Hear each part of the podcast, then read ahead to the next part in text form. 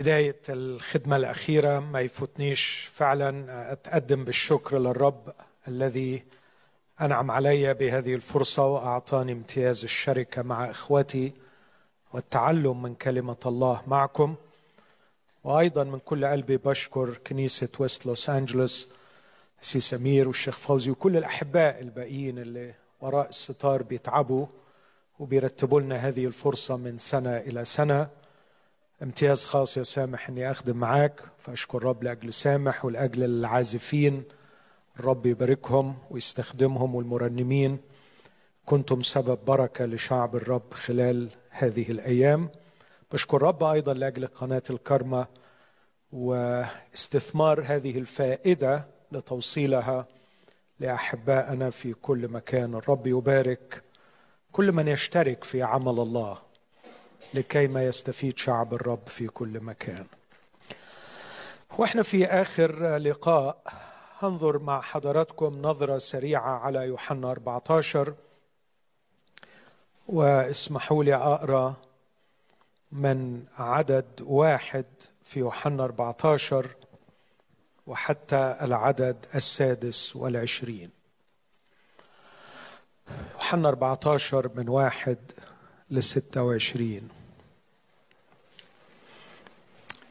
يقول السيد بعد أن فاجأ بطرس وفاجأ التلاميذ بأكبر خبر مزعج أن بطرس عتيد أن ينكر الرب ثلاث مرات. لا شك أنه ده ألقى بصدمة بحجر على رؤوسهم وجعل جو الكآبة يخيم على الغرفة مرة أخرى لكن الرب في محبته يلحقهم وينجدهم بسرعة. فأول عبارة بعد عبارة إن بطرس هينكر هي هذه الكلمات لا تضطرب قلوبكم. لا تضطرب قلوبكم. أنتم تؤمنون بالله فآمنوا بي. في بيت أبي منازل كثيرة. وإلا فإني كنت قد قلت لكم أنا أمضي لأعد لكم مكانا. وإن مضيت وأعددت لكم مكانا آتي أيضا وأخذكم إلي. حتى حيث أكون أنا تكونون أنتم أيضا. وتعلمون حيث أنا أذهب وتعلمون الطريق. قبل ما أستكمل القراءة إذا قرأت هذا الأصحاح ومخك راح للمستقبل مش هتقدر تفهم الأعداد اللي جاية. لأن كل اللي جاي بعد عدد أربعة لا علاقة له بالمستقبل. فأرجو إن يكون الأمر ده واضح وإحنا بنقرأ. هقرا تاني عدد أربعة. يقول الرب حتى حيث أكون أنا تكونون أنتم أيضا وتعلمون حيث أنا أذهب وتعلمون الطريق. قال له توما يا سيد لسنا نعلم أين تذهب فكيف نقدر أن نعرف الطريق؟ قال له يسوع أنا هو الطريق والحق والحياة. أنا هو الطريق والحق والحياة. وبرضو قبل ما استكمل القراءة بعد الكلمة دي مباشرة ولغاية عدد 25 الرب يسوع بيفصل انه هو الطريق وهو الحق وهو الحياة. فمن النص الثاني من عدد خمسة ابتدأ الرب يفسر من عدد ستة عفوا ابتدأ الرب يفسر ماذا يعني أنه هو الطريق. من ساعة ما قال ليس أحد يأتي إلى الآب إلا بي وسيستمر هذا لغاية عدد 14 فمن النص الثاني من عدد ستة لغاية عدد 14 الرب يتكلم عن نفسه باعتباره الطريق. من عدد 15 ل 17 الرب يتكلم عن نفسه باعتباره الحق. من عدد 18 لعدد 25 الرب يتكلم عن نفسه باعتباره الحياة فهو الطريق والحق والحياة. في ضوء التقسيمة دي هكمل القراية. فبعد ما قال في عدد ستة المقدمة للحديث أنا هو الطريق والحق والحياة ابتدى يفصل في كلام كثير في الأعداد القادمة. أنا هو الطريق والحق والحياة ليس أحد يأتي إلى الآب إلا بي. لو كنتم قد عرفتموني لعرفتم أبي أيضا. ومن الآن تعرفونه وقد رأيتموه. قال له فيلبس يا سيد أرنا الآب وكفانا. قال له يسوع أنا معكم زمانا هذه مدته. ولم تعرفني يا فيلبس؟ الذي رآني فقد رأى الآب. فكيف تقول أنت أرنا الآب؟ ألست تؤمن أني أنا في الآب والآب في الكلام الذي أكلمكم به لست أتكلم به من نفسي لكن الآب الحال في هو يعمل الأعمال. صدقوني أني في الآب والآب في وإلا فصدقوني لسبب الأعمال نفسها. الحق الحق أقول لكم من يؤمن بي فالأعمال التي أنا أعملها يعملها هو أيضا ويعمل أعظم منها لأني ماض إلى أبي. ومهما سألتم باسمي فذلك أفعله. ليتمجد الآب بالابن إن سألتم شيئا باسمي فإني أفعله. قبل ما انتقل للكلام عن الرب يسوع باعتباره الحق أحب بس أقسم الجزء اللي قريناه من النص الثاني من عدد ستة ولغاية عدد 14 إلى جزئين. من ستة ل 11 الرب يسوع هو طريق الآب إلينا. من عدد 12 ل 14 المسيح هو طريقنا نحن إلى الآب. فالطريق two ways. فهو يأتي بالآب إلينا لكي يأتي بنا إلى الآب. ثم ينتقل الرب للحديث عن نفسه باعتباره الحق فيقول هذه الكلمات في عدد 15 لعدد 17 إن كنتم تحبونني فاحفظوا وصاياي وأنا أطلب من الآب فيعطيكم معزيا آخر ليمكث معكم إلى الأبد. روح الحق. روح الحق الذي لا يستطيع العالم أن يقبله لأنه لا يراه ولا يعرفه. وأما أنتم فتعرفونه لأنه ماكث معكم ويكون فيكم. مين ده؟ روح القدس اسمه روح إيه هنا؟ روح الحق. ثم ينهي الرب حديثه في هذه الثلاثية بدءا من عدد 18 بكلامه عن نفسه باعتباره الحياة فيقول لا أترككم يتامى إني آتي إليكم. بعد قليل لا يراني العالم أيضا وأما أنتم فترونني. إني أنا حي فأنتم ستحيون. في ذلك اليوم تعلمون أني أنا في أبي. ثم يضيف شيء جديد ما تقالش قبل كده. وأنتم في وأنا فيكم. الذي عنده وصاياي ويحفظها فهو الذي يحبني. والذي يحبني يحبه أبي وأنا أحبه وأظهر له ذاتي. قال له يهوذا ليس الإسخريوطي يا سيد ماذا حدث حتى إنك مزمع أن تظهر ذاتك لنا وليس للعالم المفهوم اليهودي إنه لما هيجي المسيا هيظهر ذاته للعالم فيهوذا من حقه ده يهوذا ليس الإسخريوطي من حقه أن يتساءل ماذا حدث؟ ماذا حدث؟ شيء جميل إنه يسأل هذا السؤال الحقيقة كل أسئلتهم بديعة وكل سؤال منهم كان بركة لينا لأنه الرب أجاب إجابة رائعة ماذا حدث؟ هناك حدث كبير سيحدث يا يهوذا. في تغيير مخيف هيحدث في الواقع الروحي. سيترتب عليه أني لن أظهر ذاتي للعالم كما تتوقع كيهودي. لكن سيحدث شيء جديد هنتكلم عنه. ماذا حدث حتى أنك مذمع أن تظهر ذاتك لنا وليس للعالم؟ أجاب يسوع وقال له في حاجة أجمل من كده. إن أحبني أحد يحفظ كلامي ويحبه أبي وإليه نأتي. واو. وعنده نصنع منزلا. إيه رأيك يا يهوذا أن أظهر ذاتي للعالم؟ هذا شيء طبيعي ومتوقع إنه لابد أن يحدث. لكن الجديد في العالم الروحي في الواقع الروحي سيحدث أني أنا والآب سنأتي إلى فرد يحبني ويحفظ كلام هذه الخبرة الروحية ستكون من نصيب أشخاص كثيرين في هذا الواقع الروحي الجديد. أني أنا والآب نأتي إليه وعنده نصنع منزلا. نأتي بالسماء إلى هذا الشخص. الذي لا يحبني لا يحفظ كلامي. والكلام الذي تسمعونه ليس لي بل للآب الذي أرسلني. بهذا كلمتكم وأنا عندكم.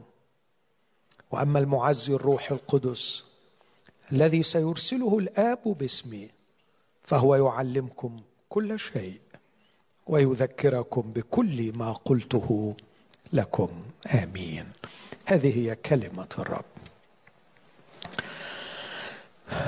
خلوني أحبائي أبدأ ببعض الملاحظات كده السريعة اللي تاخذنا لمزيد من التفصيلات عن الرب يسوع باعتباره الطريق والحق والحياة.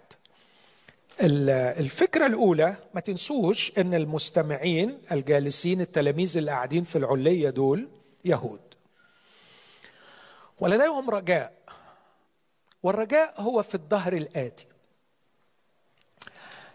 امبارح قلت الكلمة دي وأحب تاني أكررها وما تزهقوش منها وأرجوكم تحفظوها. لما بنقول الإسخاتولوجي وقلت إن ده علم الاخرويات العلم اللي بيدرس الإسخاتون الإسخاتون اللي هو الاخره الكلمة اللي ترجمت كتير في العربي المنتهى.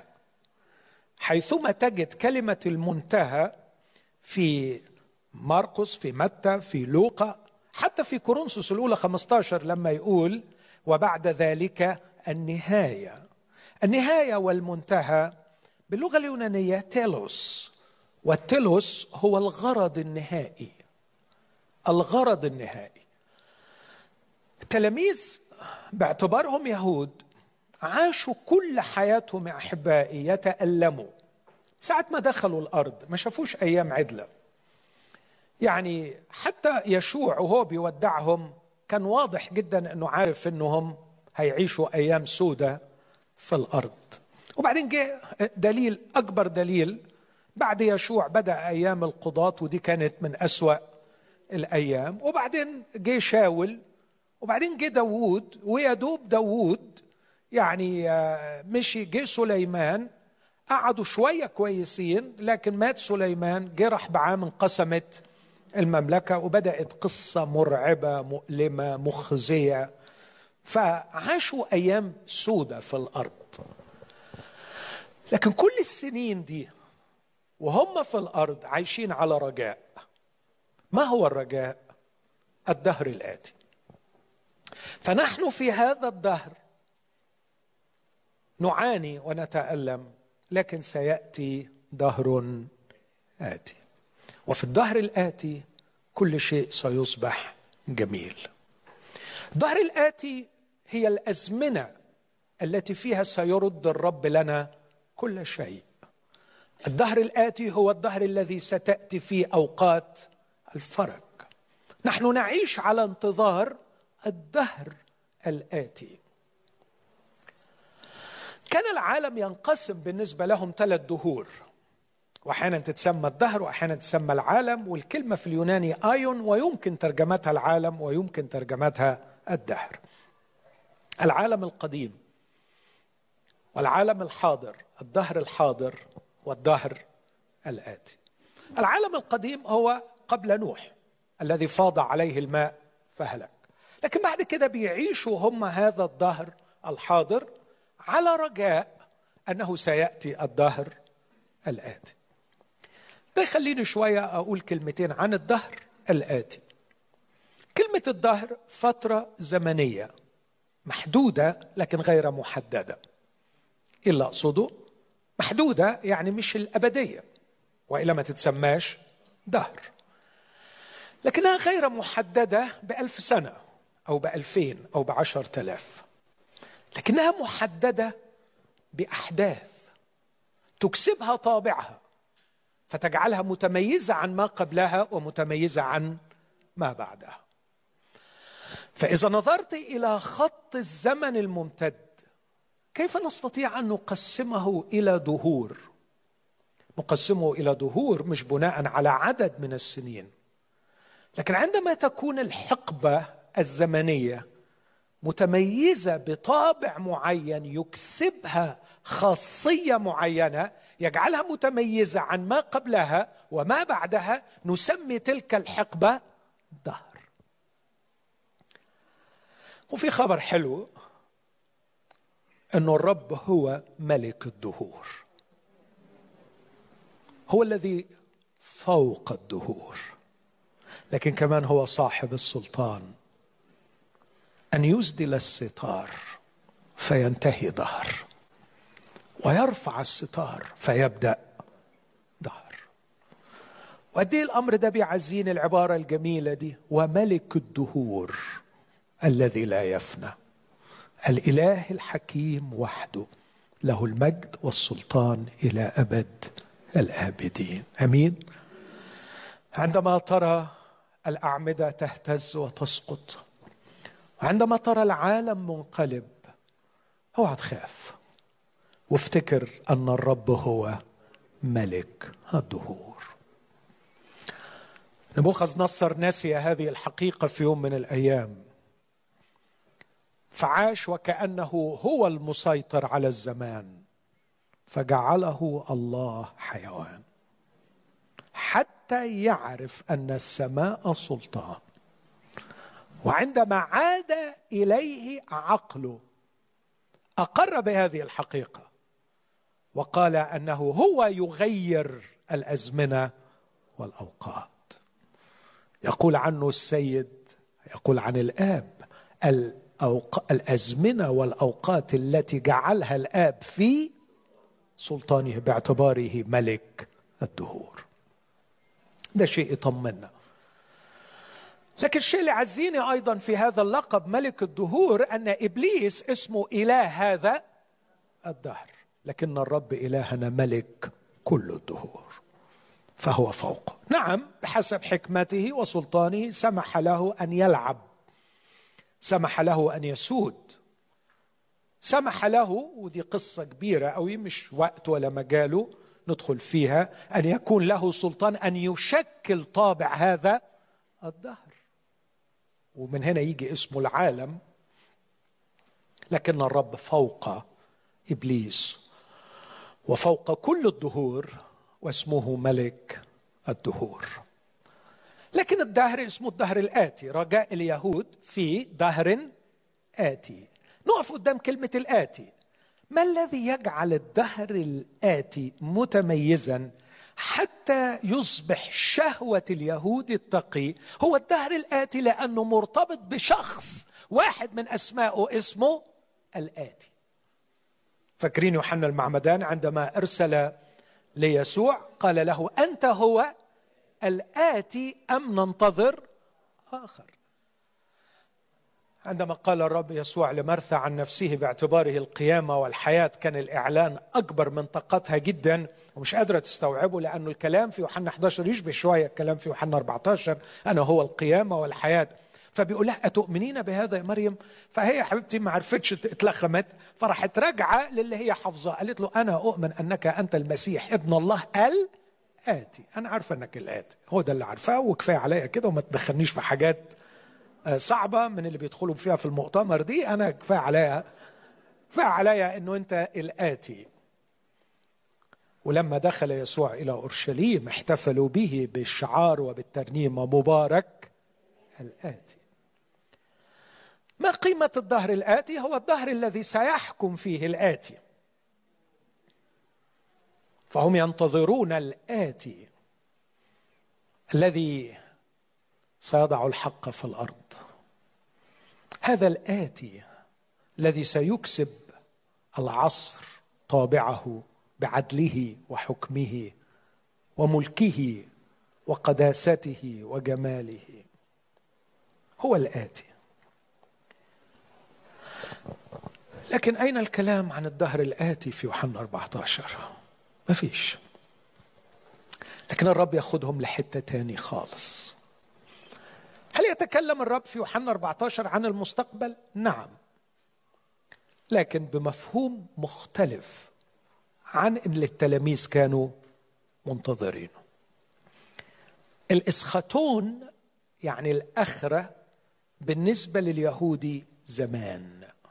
زمان. إمتى يجي الزمان؟ إمتى يجي الزمن اللي فيه نستريح لكن ما تنسوش كمان أن الثقافة التي يتكلم فيها الرب كانت ثقافة يونانية وقد شكلت الكثير من العقول وكان الاسخاتون أو الاخره بالنسبة لليونانيين ليس زمان لكنه مكان. فكانوا بيقسموا العالم الآخر إلى قسمين كبار بيسموه الهادس وهذا العالم المنقسم إلى قسمين في قسم جيد وقسم رديء. في مكان حلو ومكان وحش. وأعتقد التقسيمة دي يمكن هي اللي بتسود عقل البشر في كل العصور أكثر من الفكر اليهودي اللي ارتبط الإسقاطون فيه بالزمان. المسيح هنا أيضا أكيد بيتكلم عن مكان لكنه أبعد جدا من مجرد مكان. الكلمة اليونانية التي يستعملها الروح القدس في الكلام عن المنتهى والنهاية لو حللناها نلاقيها لا لها علاقة بالزمان ولا بالمكان. تيلوس. فالنهاية في العهد الجديد ليست زمان وليست مكان لكن غرض. تيلوس غرض. غاية. ما هي النهاية بالنسبة لنا عندما يحقق الله غايته؟ عندما يحقق الله غرضه. هي حالة ننتهي إليها. التلوس بالنسبة لنا الأخرة بالنسبة لنا مش زمان. الأخرة بالنسبة لنا مش مكان. الأخرة بالنسبة لنا حالة يوجد عليها الإنسان عندما يتحقق غرض الله في الإنسان. ساعتها تبقى الأخرة فعلا عندما يتحقق الغرض النهائي. أكيد هذا الغرض سيكتمل في مكان وزمان مش عايزه كلام لكن التركيز على المكان أو التركيز على الزمان يسلبنا أعظم أعظم بركات في هذا الحق العظيم. إذا اختزلنا الإسخطون إلى إذا اختزلنا الأخرة إلى زمان بنفصله عن الحاضر. وإذا اختزلناه إلى مكان بنفصله عن الواقع اللي إحنا عايشين فيه. لكن المسيح يريد أن يعلمنا هنا أن الأخرة أن النهاية ما هياش زمان ولا هي مكان لكن تلوس حالة حالة إنسانية رائعة غاية تتحقق الله يحققها في الإنسان. اقف هنا وقفه صغيرة قوي وأقول يا إخوتي لو فكرنا بعمق في الثلاث كلمات دول زمان ومكان وحالة حالة الإنسان وفكرت فيهم فعلا هتكتشف إن الأهم في الثلاثة هي الحالة. لاني لو اديتك أحلى مكان وخليتك تعيش في أحلى زمان وأنت من جوه خربان لا هينفعك الزمان ولا ينفعك المكان. واقولها بالعكس لو قدرت أرتقي بحالتك لو قدرت أرفعك اخلاقيا ومنطقيا وشعوريا أو إذا قدرت أحطك في بعد روحي مختلف تماما عن الأبعاد الروحية اللي فيها البشر. إذا وصلت إنك تتفعل في إنسانيتك حتى تصل إلى أقصى درجات الإنسانية التي ظهرت في شخص يسوع المسيح.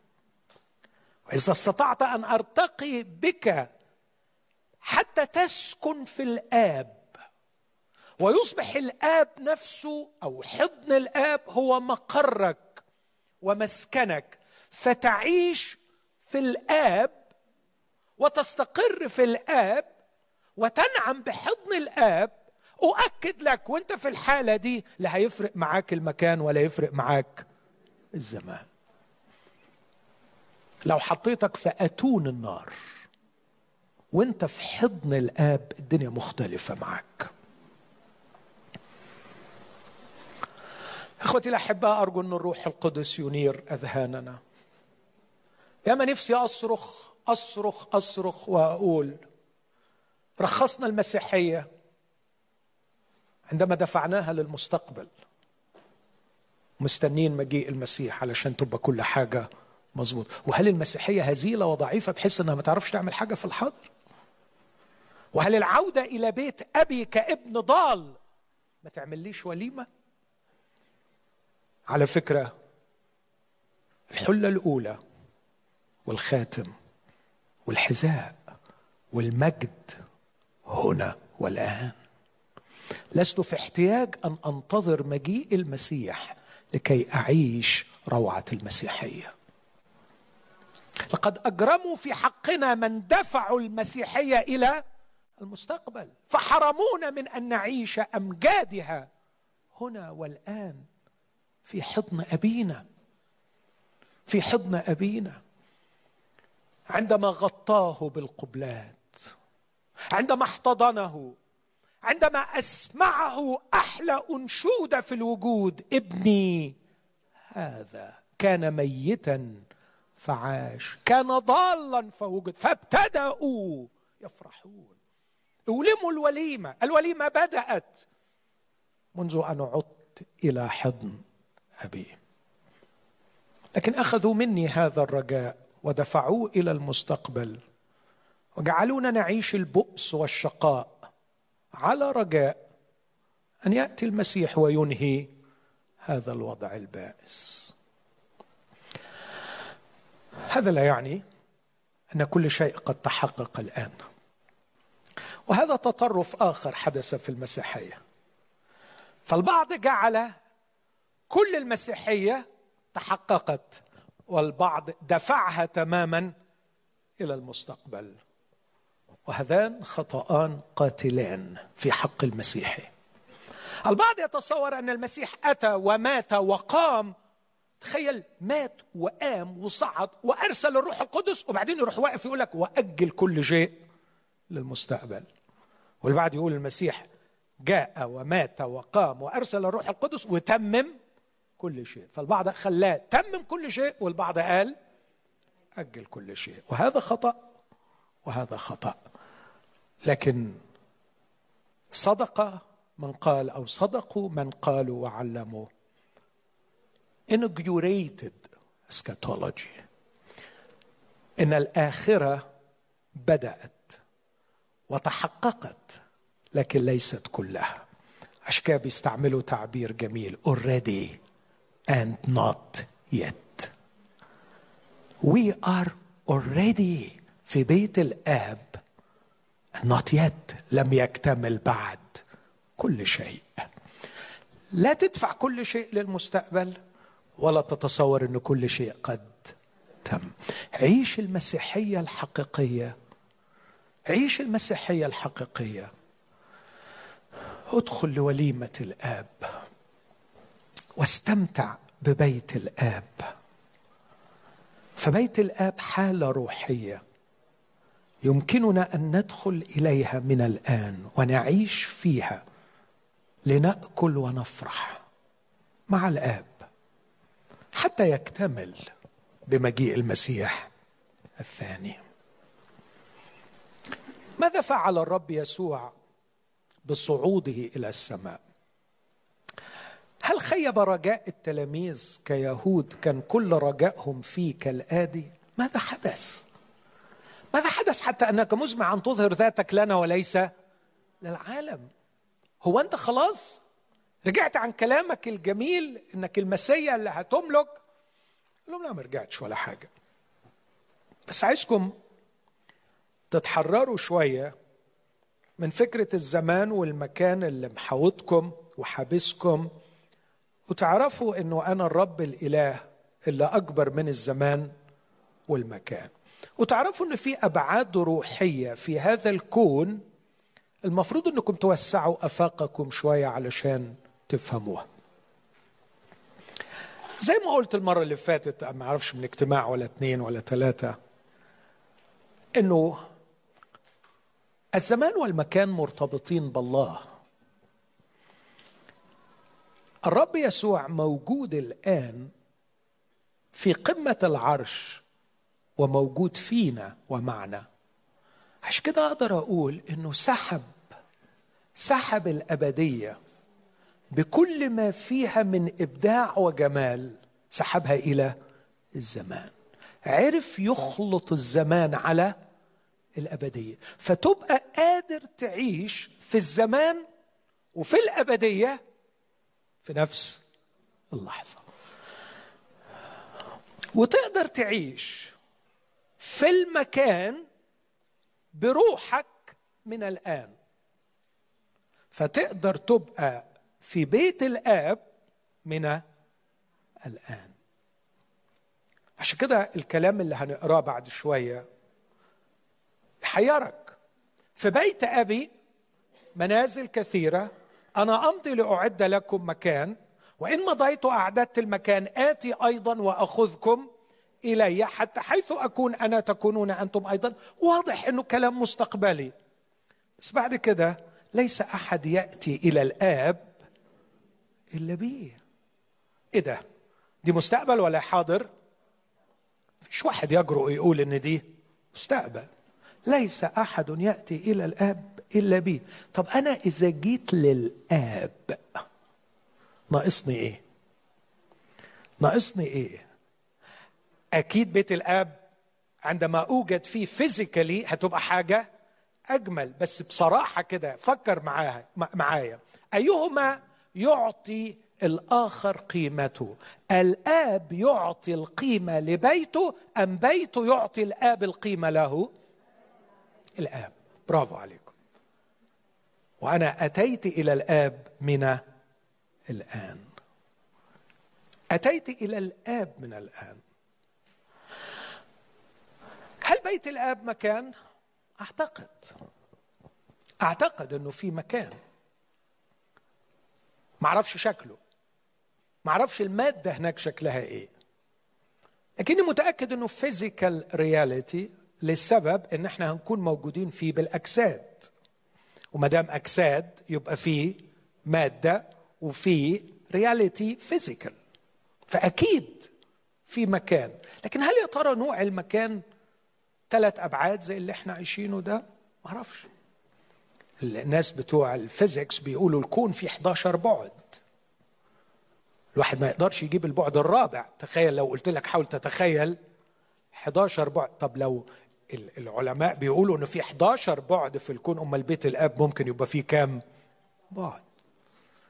وهل الأجساد اللي هناخدها التي تنفذ من الأبواب المغلقة جسد يسوع المسيح اللي موجود بيقدر يتواجد بيه في أكتر من مكان هل الجسد ده ليه ثلاث أبعاد؟ I don't know.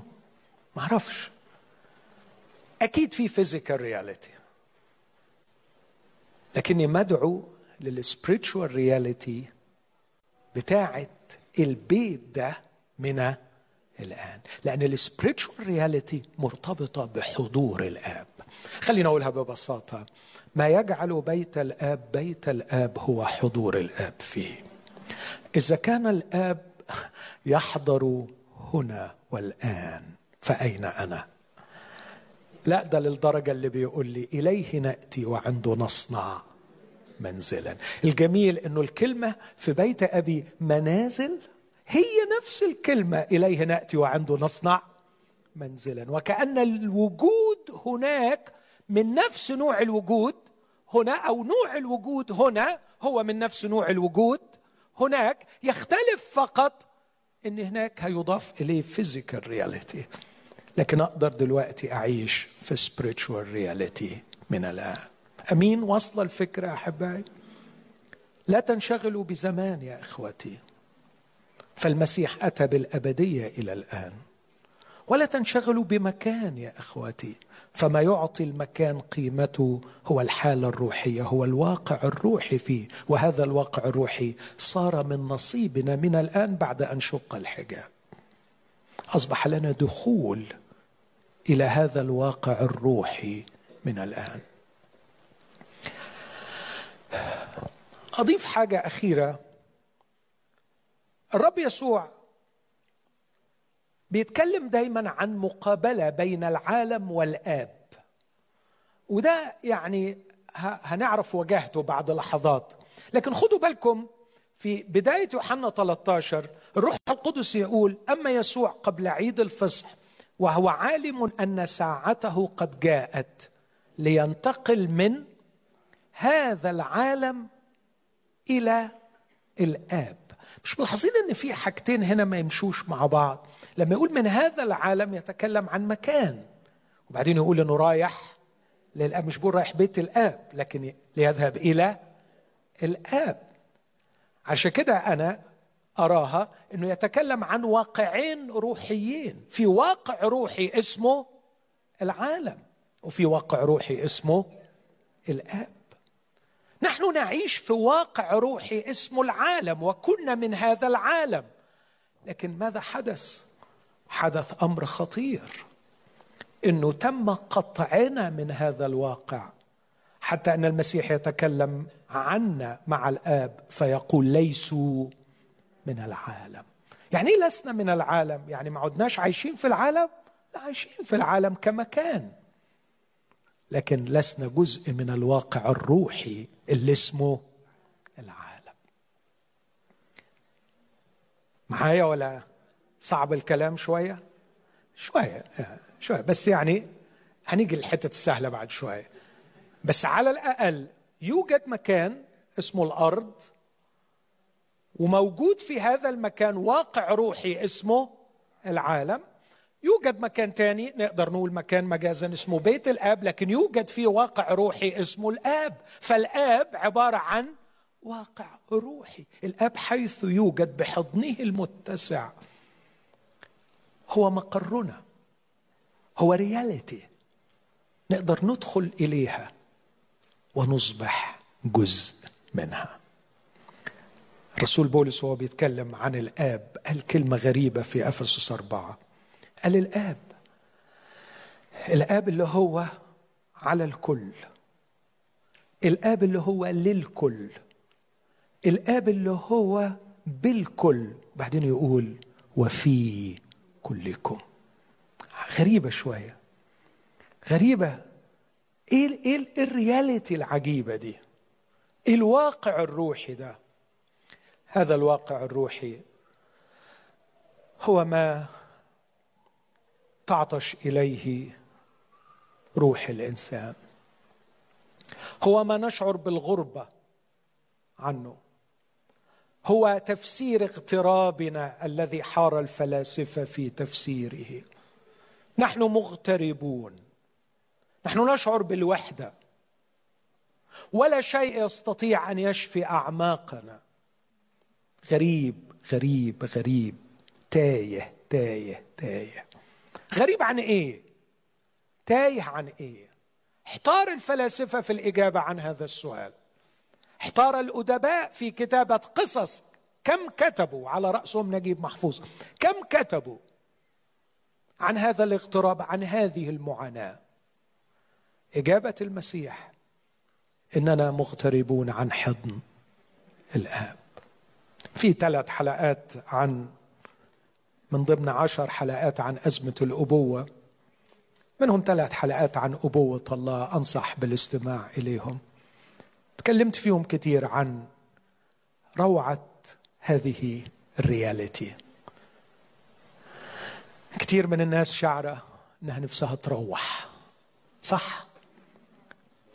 أتذكر طفل طفل صغير كان بيعاني معاناة. يقول حتى لما بروح بحس لسه إني عايز أروح. ده شاعر بإيه؟ بغربة. إحنا عرفنا نشتت روحنا عن هذا الإحساس.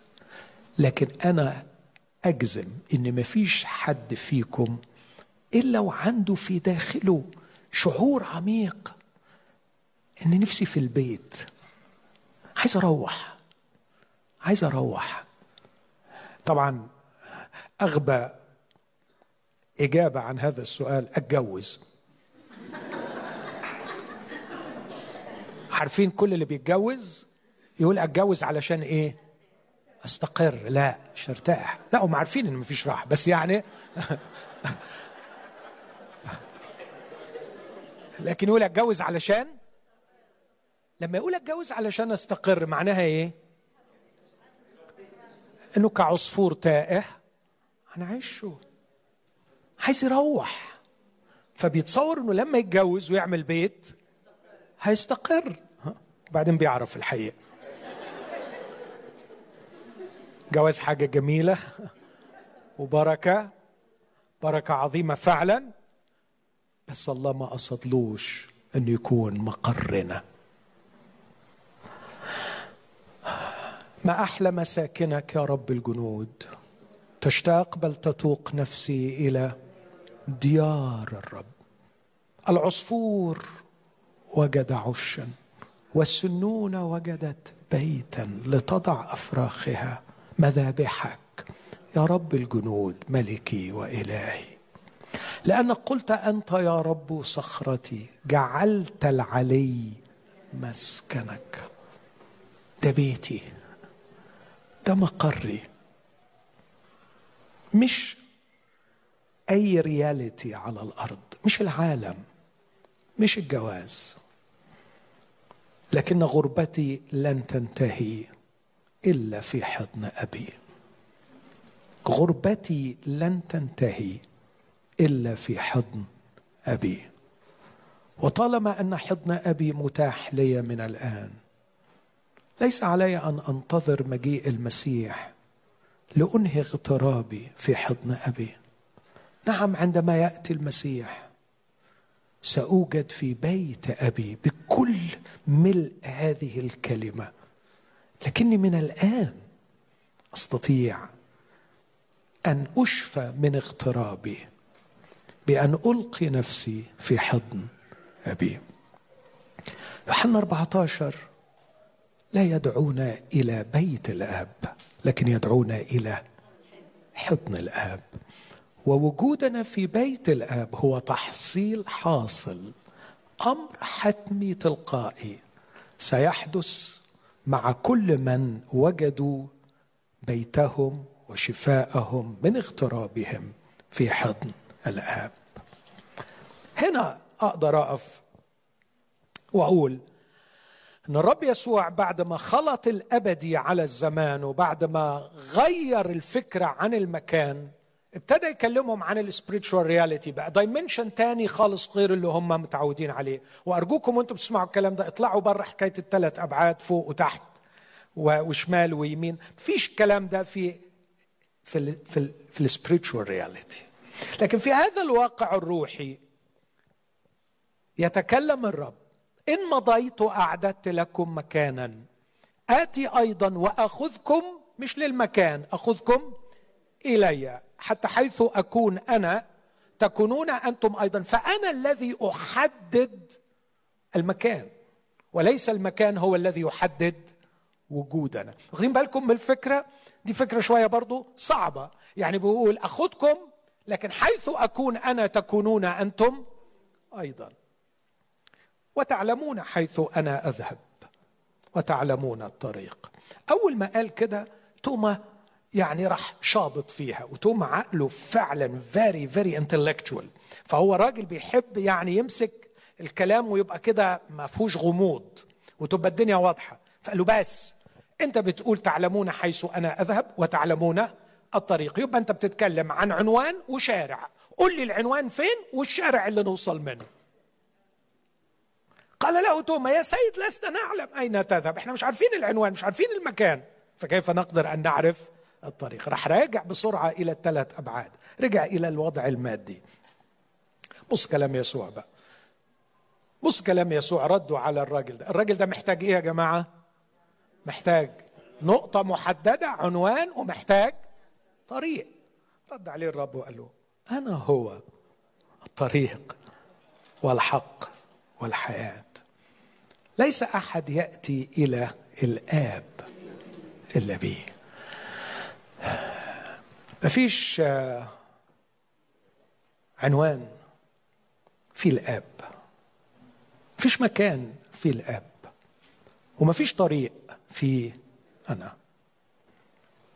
عنوانك هو الآب وطريقك هو الابن. مقرك النهائي اللي هتروح له هو الآب. وطريقك إلى هذا المقر هو الإبن. أخرج يا توما من عبودية الثلاث أبعاد والزمان والمكان وهيا حلق معي بعيدا في هذه السياحة الروحية. ودايما فكر وأنت تتخيل وأنت تسبح بفكرك أوعى أوعى مخك يروح لمكان. لكن خلي مخك دايما ياخدك إلى الآب.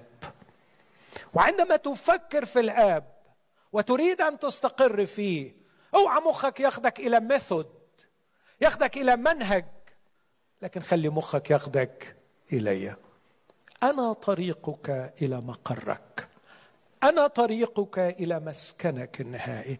روحك الحائرة الهائمة لن تستقر إلا في أبيك وأنا طريقك إلى أبيك.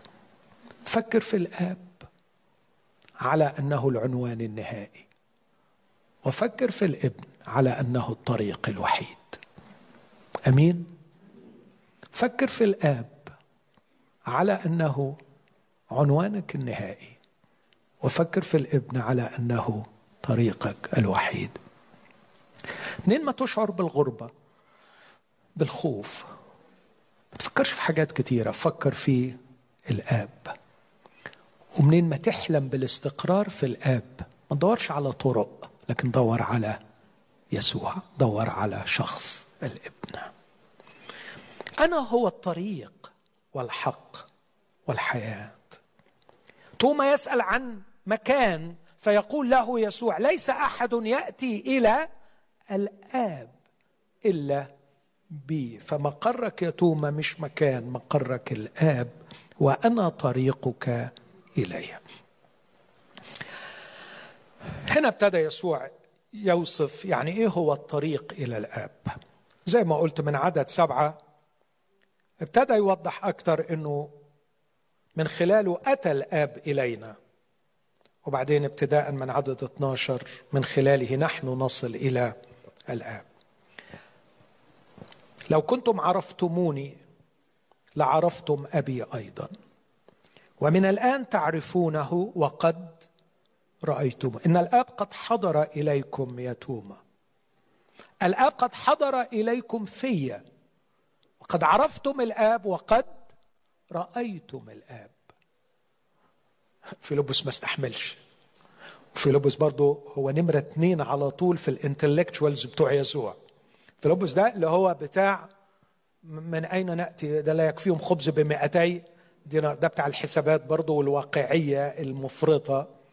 فقال له يا سيد أرنا الآب وكفانا. طبعا غصب عنهم. ده إحنا لو قاعدين كنا عكينا عك الصبح يعني ما حدش يلوم التلاميذ لأنه الكلام اللي بيقوله يسوع غريب غريب فعلا. بيتكلم من حتة تاني خالص. هم يا حرام في الحتة اللي هنا وهو بيتكلم من حتة تاني خالص. هو قال لهم في الآخر بصوا أنتوا مش ليا كلام كتير تاني مش تقدروا تستحملوا دلوقتي لكن روح القدس سوف يأتي ويرشدكم إلى جميع الحق. قال له فيلبس يا سيد أرنا الآب وكفانا. قال له يسوع أنا معكم زمانا هذه مدته. ولم تعرفني يا فيلبس الذي رآني فقد رأى الآب. فكيف تقول أنت أرنا الآب؟ ألست تؤمن أني أنا في الآب والآب فيا؟ يا حرام يعني هو فهم الأولانية. ده هو بالعافية بيحاول يتخيل يعني إيه لما شفنا يسوع شفنا الآب. فوجئ إن يسوع بيقول له ألست تؤمن إني أنا في الآب والآب فيا؟ يسوع يشرح حاجتين. لماذا هو الطريق إلى الآب وكيف هو الطريق إلى الآب؟ أنا في الآب والآب فيا الكلام الذي أكلمكم به لست أتكلم به من نفسي لكن الآب الحال فيا هو يعمل الأعمال. يا إله على اللخبطه أنت مش بتقول كلام؟ الكلام الذي أكلمكم به لست أتكلم به من نفسي. الآب الحال فيا هو يتكلم الكلام. مش كده المفروض؟ لكن هو بيقول الآب الحال فيا هو يعمل الأعمال. صدقوني أني في الآب والآب فيا وإلا فصدقوني لسبب الأعمال نفسها. اسمحوا لي أنا أن أتوقف وأستعير أيضا من لاهوت الآباء الشرقيين.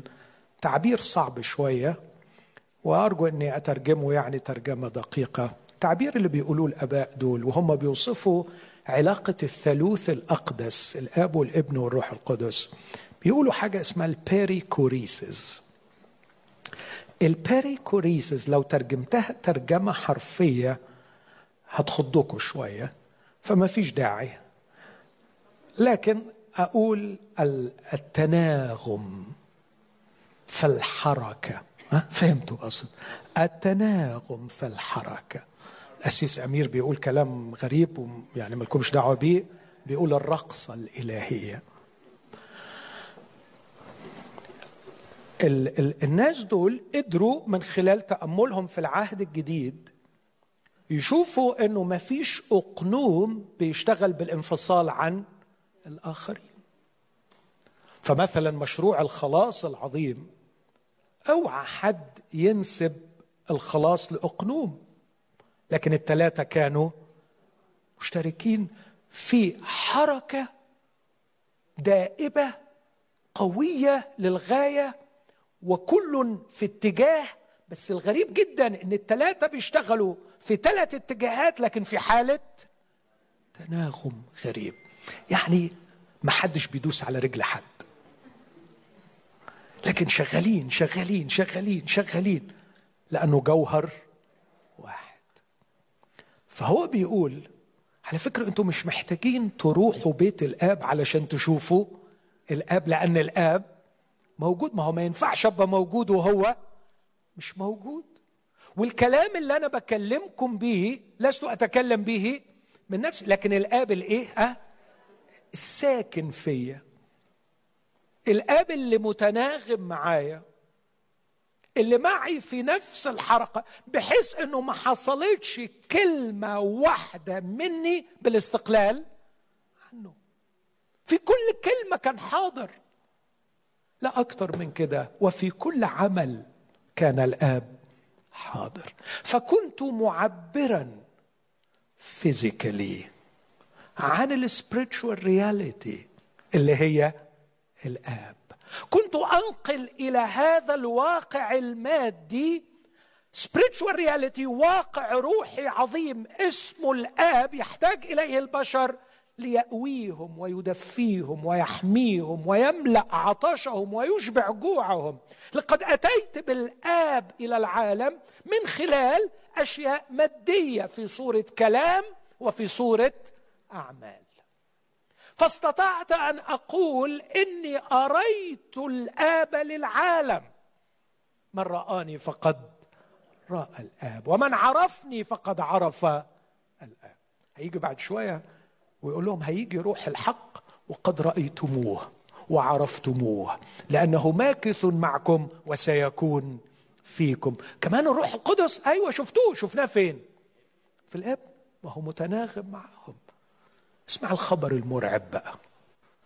ده تري ناوي مش بس يستحضر هذا الآب والروح إلى العالم ويرينا الرقص والتناغم لكن ناوي يدعونا للاشتراك في هذه الرقصة. أنت متخيل؟ عايز يدخلنا في الموضوع ده. فنفاجئ بيه بيقول واللي هيؤمن بيه الأعمال اللي أنا عملتها هو هيعمل. لاحظوا من شوية هو عمل الأعمال دي ليعبر عن الآب. في تناغم مع الآب. هيدخلنا معاه بحيث إن إحنا مش عارف أقول إيه. مش عارف أقول إيه. لكن أقدر أقول سنكون التعبير المادي لعالم المخلوقات عن الحقيقة الروحية العظمى الآب والابن والروح القدس. وهكذا يحق لنا أن نسمى مسكن الله وهيكل الله. ما هو الهيكل؟ هو الذي في هيكله الكل قائل مجد. يستعلن مجد الله في هيكله. يستعلن المجد في الهيكل. والمجد ليس ستاتيك ليس شيء ساكن لكن المجد كلام وأفعال. ستظل الكنيسة إلى أبد الآبدين. تنقل إلى عالم المخلوقات ملائكة وغيرهم كل الكائنات.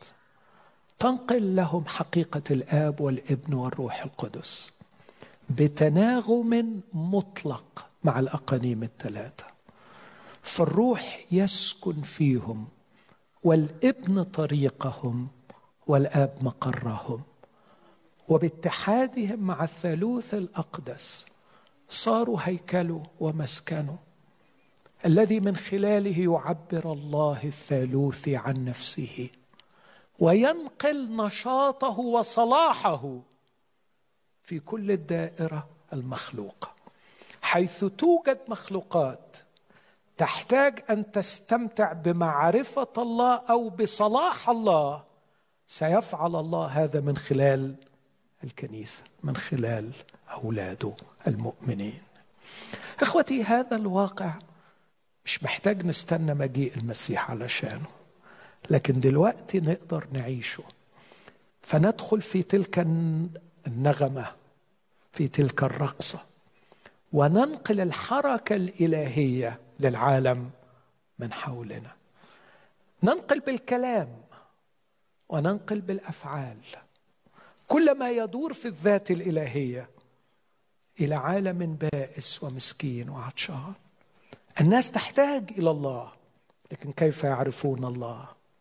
كتب وصفحات مش هتكفي هل من الممكن أن يوجد ما يسمى continuity of incarnation هل يوجد استمرار لعملية التجسد؟ لقد كانت تلك الثلاثة وثلاثين سنة أعظم ثلاثة وثلاثين سنة في تاريخ البشر لأنه فيها وجد الله ملموسا على الأرض. طب وإذا بالباقيين؟ الله يريد أن يستمر محسوسا وملموسا يشرك البشر في صلاحه ويعرفهم بنفسه من خلال كنيسة خلالي وخلالك. أتناغم معه. أسكن فيه ويسكن في. يتحرك من خلالي. أنقل كلامه للبشر وأنقل أفعاله للبشر. وأبقى مستمتع في هذه الحضرة التي تأخذني بعيدا عن الواقع الروحي المضاد. والواقع الروحي المضاد للي أنا بقوله ملهوش غير اسم واحد حقير اسمه العالم. العالم. ما فيش مضاد لهذا الواقع إلا العالم. وأنت وأنا وأنت إما عايش في العالم أو عايش في الآب.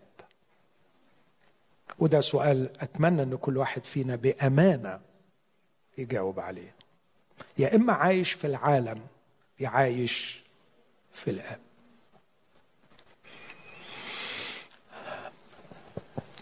قنيم الثلاثة يقابلهم ثلاث أعداء الآب والابن والروح القدس. الروح القدس يقابل الجسد والابن يقابله إبليس والآب يقابله العالم. وعشان كده الرسول يوحنا وهو بيقول إن اللي بيحب العالم ليست فيه محبة الآب.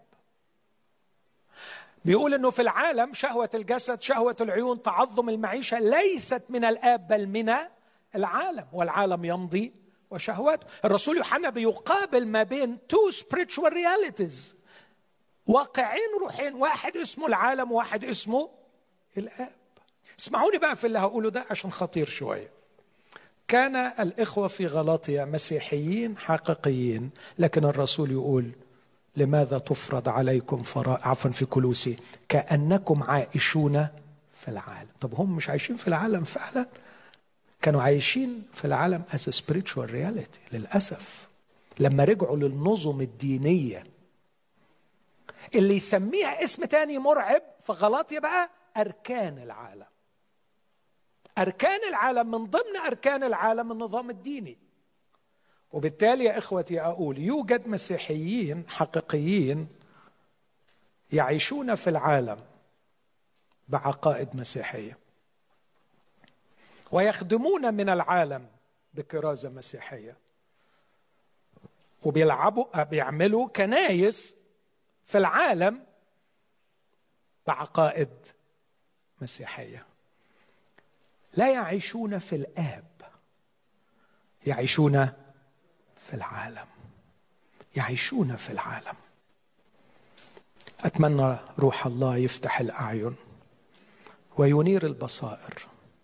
لكي ندرك أننا أحيانا ونحن في داخل الكنيسة نمارس ممارسات مسيحية نحن نعيش في spiritual reality هي العالم.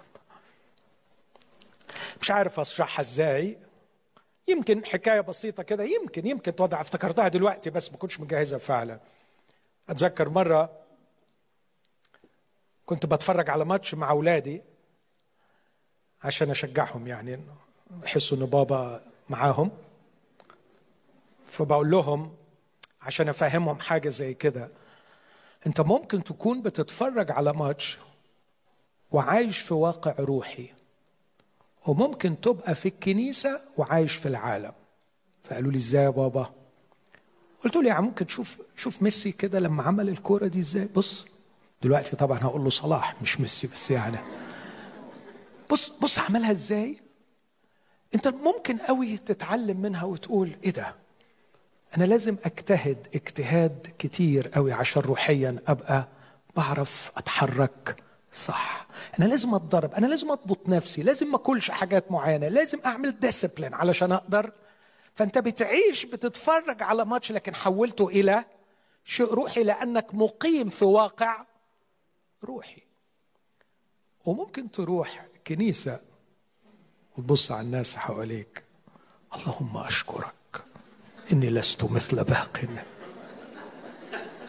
الحمد لله. الحمد لله الذي أنعم علينا بنعمة الإيمان الكذا ولا الكذا هذه الروح روح الايه ها؟ روح العالم في داخل الكنيسة. مهم قوي إنك تفحص نفسك في أي واقع روحي تعيش ولا يوجد إلا واقعين.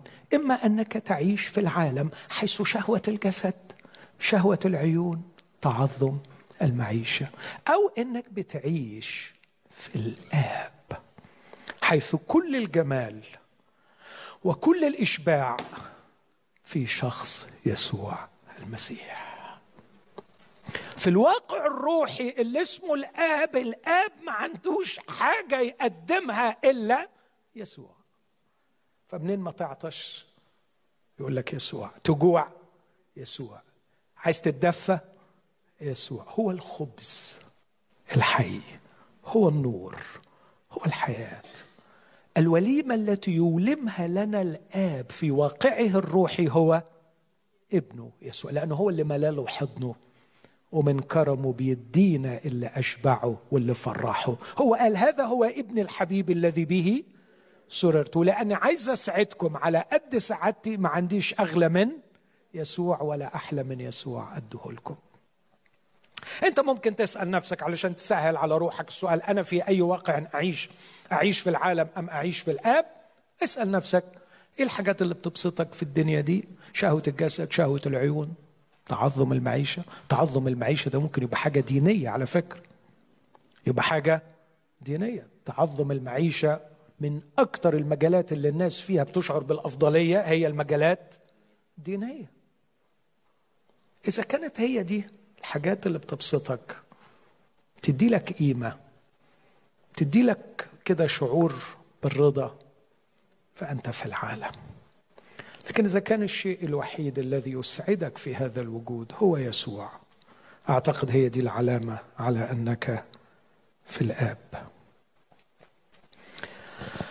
طبعا النص ده لما أخذ بعيدا عن السياق اللي شرحته آه، من يؤمن بي فالأعمال التي أنا أعملها يعملها هو أيضا ويعمل أعظم منها بقينا بقى عايزين نبقى جدعان قوي ونروح نعمل نقوم ميتين ونعمل حاجات. رهيبة ونتبسط بأن إحنا بس أتمنى إنها كده تكون وضحت إنه سيشترك معي في الرقصه الالهيه في التناغم الإلهي لأنه في الحقيقة هيبقى مش أنا اللي بعمل هو الآب والابن والروح القدس بيعملوا وإحنا مجرد إن إحنا بقينا ميديوم دخلنا في القصة دي. ومهما سألتم باسمي لأنكم معي ومعنا وفينا فذلك أفعله ليتمجد الآب بالابن. يتمجد يعني يظهر. الله علشان يتمجد على فكرة مش محتاج يعمل حاجة تعليه. هو محتاج يظهر اللي موجود. ها؟ دي دي ممكن أقف عندها كتير بس أتمنى تكون مفهوم. الله علشان يتمجد مش محتاج يعمل حاجة تعليه لكن هو محتاج بس يعمل إيه؟ ها؟ يظهر اللي موجود. فأنا هفعل لكي يتمجد يظهر الآب بالابن. إن سألتم شيئا باسمي فإني أفعله. الجزء الثاني من 15 ل 17 يتكلم عن الحق. بالمقابلة مع العالم الآب والحق والحياة. في العالم يوجد الكذب والموت. خدوا بالكم من الحكاية دي. ما فيش في العالم إلا الكذب والموت. إن كنتم تحبونني فاحفظوا وصاياي. أجل دي شوية وكمل اللي بعديها. وأنا أطلب من الآب فيعطيكم معزيا آخر آخر من نفس النوع يعني الأقنوم الثاني ال advocate الشفيع ال Paraclētos اللي هيقف جنبكم. يقف جنبكم ليه؟ هو اسمه روح الحق. أنتم محتاجين حد يقف جنبكم لأنكم عايشين في عالم مليان كذب. فهبعت لكم الروح القدس اللي هو روح الحق ال Paraclētos. يقف جنبكم ويحميكم من الكذب بتاع العالم روح الحق. الذي لا يستطيع العالم أن يقبل. ليه العالم ما يقدرش يقبل الروح القدس؟ لأن العالم متكوم ومتحجر على الأكاذيب وهو الروح روح الحق. لا يستطيع العالم أن يقبله لأنه لا يرى ولا يعرف. أما أنتم فتعرفونه لأنه ماكث معكم من خلالي. لكن الخبر الجديد وهنا نقدر نزود حرف السين وسيكون فيكم ده الخبر الجميل إنه هيجي الروح القدس ويكون فيكم. وساعتها يقف جنبيكم فينقذكم من أكاذيب العالم فتقدروا تحفظوا وصاياي. وكأن الرب يسوع عايز يقول يا جماعة أنتوا بتحبوني؟ وأكتر حاجة معطلاكم في حفظ وصاياي هو كم الكذب اللي موجود حواليكم. عشان كده أنتوا محتاجين الروح القدس علشان يخليكم تحفظوا وصاياي. من عدد 18 ل 25 يتكلم عن نفسه كالحياة. لا أترككم يتامى. إني آتي إليكم. إمتى هتيجي؟ هنا لا يتكلم عن مجيئه الثاني. اسمع يقول إيه بعد قليل لا يراني العالم أيضا. وأما أنتم فترونني. لا أعتقد حتى أنه يتكلم عن القيامة. لكن بص اللي بعديها. إني أنا حي فأنتم ستحيون. في ذلك اليوم لما جيلكم في ذلك اليوم تعلمون إني أنا في أبي وأنتم في وأنا فيكم. ذلك اليوم هو يوم مجيء الروح القدس. فلما الرب بيقول إني آتي إليكم لما أربطها في ذلك اليوم أقدر أقول يوم مجيء الروح القدس. في هذا اليوم ستندمج في تلك الحركة الإلهية. ومش هيبقى أنا في أبي والآب فيا بس لكن أنا في أبي وأنتم في وأنا فيكم. عندما يسكن فيكم الروح القدس يكتمل اندماجكم للنغمة الإلهية التي تكشف من هو الله في هذا العالم. وساعتها بقى الذي عنده وصاياي ويحفظها فهو الذي يحبني. والذي يحبني يحبه أبي وأنا أحبه وأظهر له ذاتي. أعتقد إنه لو أنا وقفت دلوقتي وقلت يا جماعة كل واحد ياخد ورقة وقلم ويكتب موقف يقدر يقول فيه إن الرب أظهر له ذاته أعتقد إنه هنلاقي. هنلاقي في حاجات في حياتك ما تقدرش تفسرها غير إنك تقول إنه الرب أظهر لي ذاته. كانت حلوة؟ كانت حلوة؟ تشتاق عليها؟ هو عنده كتير قوي. بس خد بالك دي بركة مشروطة. دي واحدة من البركات المشروطة. اللي عنده وصاياي ويحفظها فهو الذي يحبني. والذي يحبني؟ يحبه أبي وأنا أحبه وأظهر له ذاتي. كل ما تحبه أكتر هيمتعك بزيارات وافتقادات مختلفة. ممكن مرة تكون في صورة استنارة غريبة ينور بيها عليك. ممكن مرة يكلمك بشكل واضح في أعماقك. ممكن من خلال أعمال عناية ممكن من خلال مفاجآت عجيبة يعملها معاك. حاجات كتير قوي ما أعرفش أجمعها تحت عنوان واحد إلا أنه يظهر لك ذاته. ما أكثر ضجر الحياة ومللها إذا خلت من إظهار ذاته؟ وما أحلى الحياة وأروعها؟ إذا كثر فيها إظهار ذاته.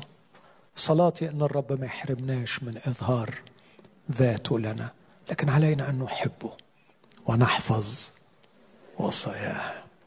قال له يهوذا الإسخريوطي يا سيد ماذا حدث حتى إنك مزمع أن تظهر ذاتك لنا وليس للعالم؟ جاب يسوع وقال له خليك في اللي بقوله لك دلوقتي وسيبك من حكاية إظهار ذاتي للعالم. أن احبني أحد يحفظ كلامي. كمل كلامه وراح داخل لحتة أعمق. أن احبني أحد يحفظ كلامي. يحبه أبي. إليه نأتي. عنده نصنع منزلا. الاصحاح الذي بدأ بالوعد أن يأتي. ياخذنا إلى المنازل. انتهى بالوعد أنه هو يأتي إلينا وعندنا يصنع منزلا. إذا نسينا كلمة الواقع الروحي spiritual reality لا صح ده ما يتفهمش.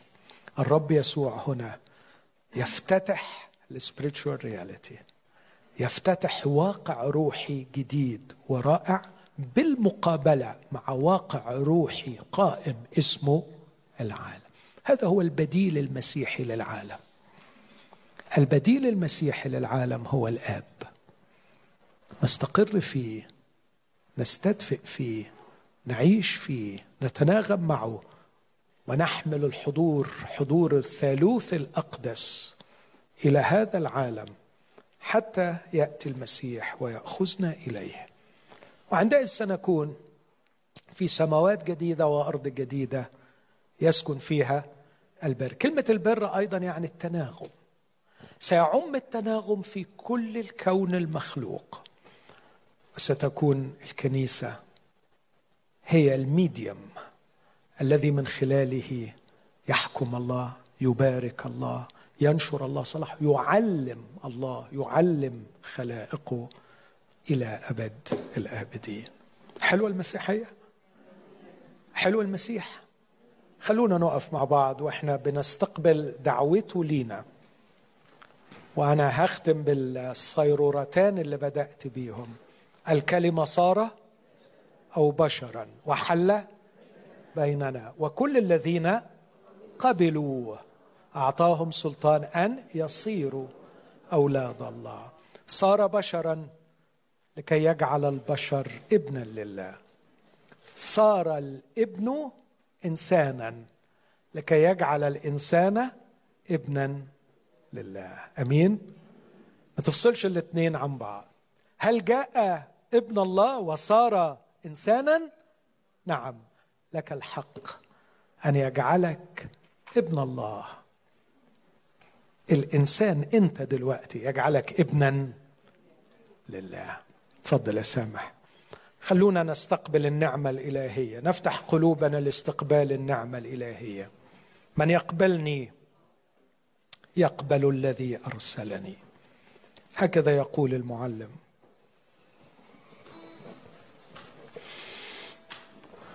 أوعى تكون من طابور يهوذا الخائن يأكل خبزه ويرفصه.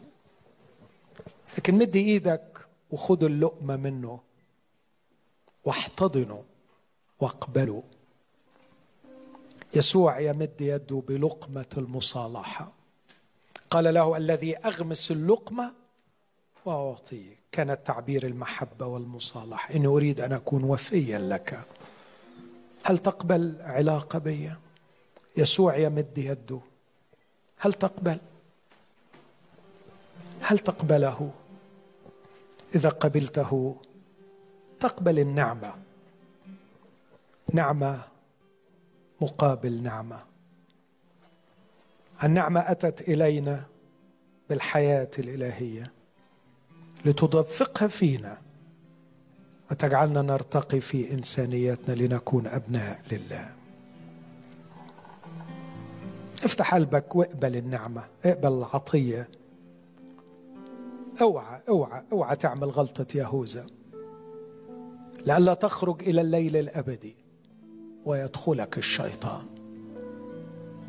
اوعى تقع في الخيانة والغدر وترفض النعمة المقدمة ليك. آه يا إخوتي الاحباء من يرفض المسيح لا يبقى له إلا إبليس. افتح قلبك لهذه النعمة. يا رب. استلم استلم العطية استلمها بالإيمان واحتضنها لكي تأخذك النعمة إلى حضن الآب. وتجد نفسك ساكنا في الآب. الثالوث الأقدس. حاضر. بكل جلاله. قد اعتمدت باسم الآب والابن والروح القدس. اعتمدت باسم الآب والابن والروح القدس. لكي يقودك الابن إلى الآب ويسكن فيك روح التبني فتصرخ يا ابا الآب. هذه المعمودية باسم الآب والابن والروح القدس. تلخص الخبرة المسيحية. هل تستمتع بكونك مسيحي حقيقي؟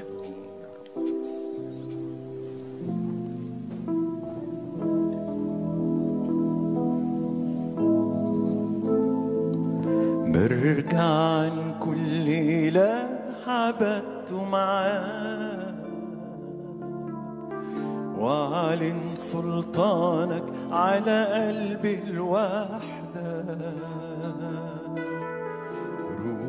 روحك يشفي ارتدادي قدسني. ويعود يصنعني ناي عن مجدك برجع عن كل إله عبدته معاه وأعلن سلطانك على قلبي الوحدة. روحك يشفي ارتدادي قدسني ويعود يصنعني إلى يحمل مجدك بختارك تكون الأول وقبل أي شيء. علشان أنت الحياة والحق وإنت هو الطريق.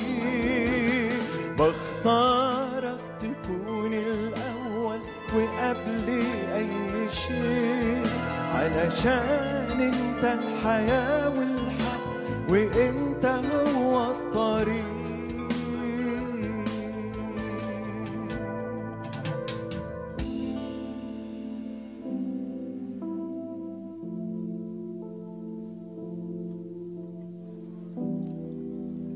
صلي معايا.